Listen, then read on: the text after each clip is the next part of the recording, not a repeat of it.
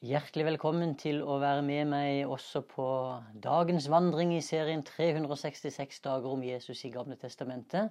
Vi er kommet fram til dag 84, og vi skal lese fra 3. Mosebok kapittel 9 og vers 3-4.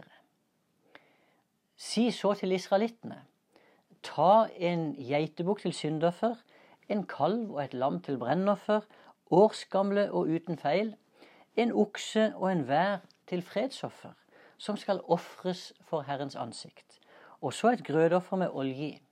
For i dag vil Herren vise seg for dere. Dagens tittel er Gud vil gjerne vise seg. Når offeret bæres fram og synden blir sona, da har Herren lova å vise seg for oss. Geitebukken kalven, lammet, oksen og væren som ble slakta der i telthelligdommen, det førte til at synden og det urene ble tatt bort fra folket. For intet urent øye kan se Guds herlighet. Men etter at synden var blitt fjerna, så ble folkets øyne åpna, og de kunne se og erfare Guds nærvær. Det var likevel ikke i nærheten av å se Gud som den han virkelig er. For Israels folk i ørkenen de erfarte Guds nærvær i en skystøtte på dagen, eller de kunne også se han som røyk eh, eller flammende ild. Med Jesu offer så er det annerledes.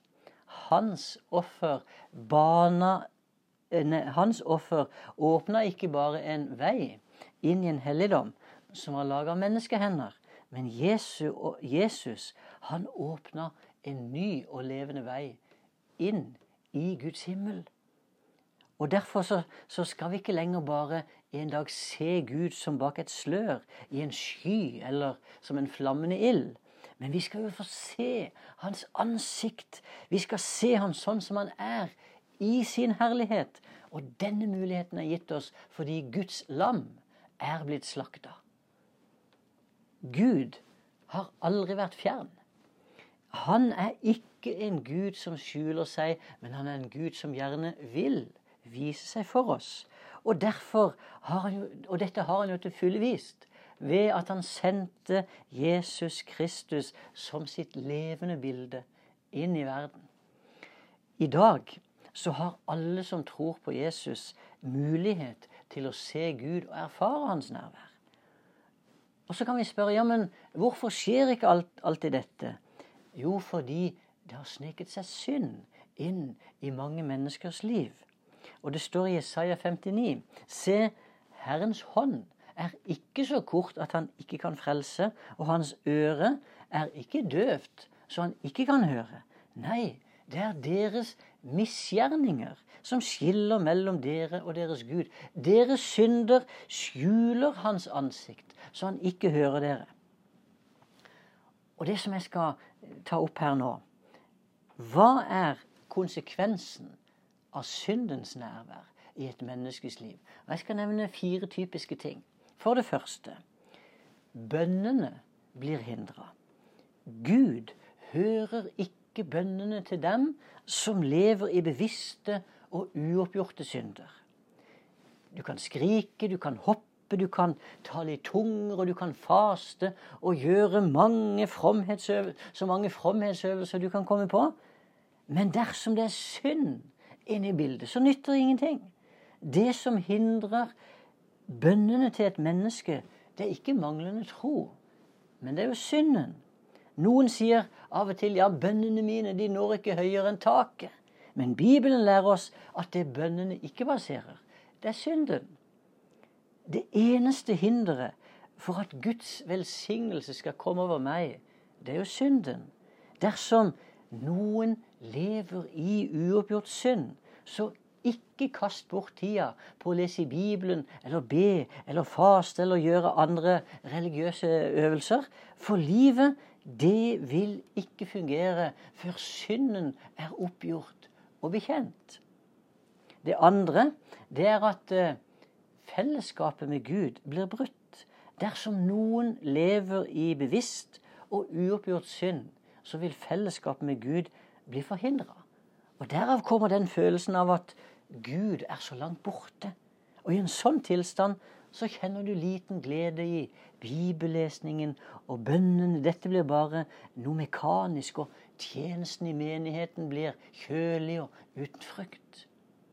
Det tredje det er manglende åndskraft. For den som lever i synd, vil ha lite åndskraft og erfare mange nederlag. I enhver bygning som inneholder elektrisk kraft, så vet vi at det finnes brytere som tenner og slukker lampene. Vi har jo fulgt av sånne hjemme i husene våre. Synden er en bryter. For at ei lampe skal gi lys, så er den avhengig av at elektrisk kraft kommer til den gjennom en ledning. Og ved å installere en bryter som slår av og på overføringen av den elektriske kraften, så kan jo vi regulere om vi vil ha et lys tent eller slukka. Og selv om lampa er slått av, så befinner fortsatt den samme elektriske kraften seg i bygningen. Men bryteren hindrer den i å nå fram til målet. Og det samme skjer med oss, eh, av og til med oss i livet.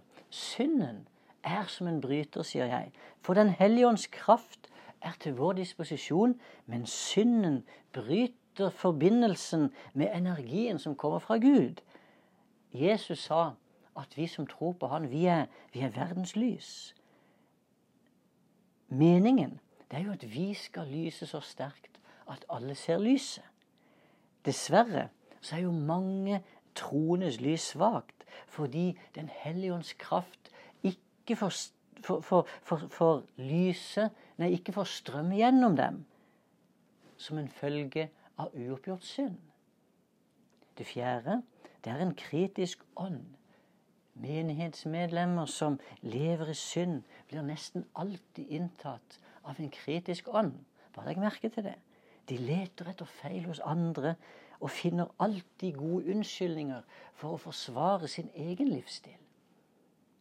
Derfor sier jeg i dag dersom noen vet at de har en uoppgjort synd i livet sitt, så må du skynde deg til Jesus. For ved hans offer så blir synden fjerna umiddelbart fra livet ditt. Og du vil bli i stand til å se klart, og den kraften i Den hellige ånd vil på nytt strømme gjennom deg, og Guds nærvær vil prege livet ditt, og du vil se og merke dette nærværet. Jesus, vi takker deg, og vi priser deg for at du er en Gud. Eller du har vist at Gud gjerne vil vise seg. Takk for at du er et bilde av den usynlige Gud. Og takk for at du er i verden i dag. Og takk, Jesus, også for at det offeret som du frembrakte, det gjorde at veien inn i Guds himmel, den er åpna igjen. Og at en dag så skal vi komme inn der, og vi skal se den levende Guds ansikt akkurat sånn som han er. Vi takker deg, Jesus, for at ditt offer har så stor effekt i ditt hellige navn. Amen.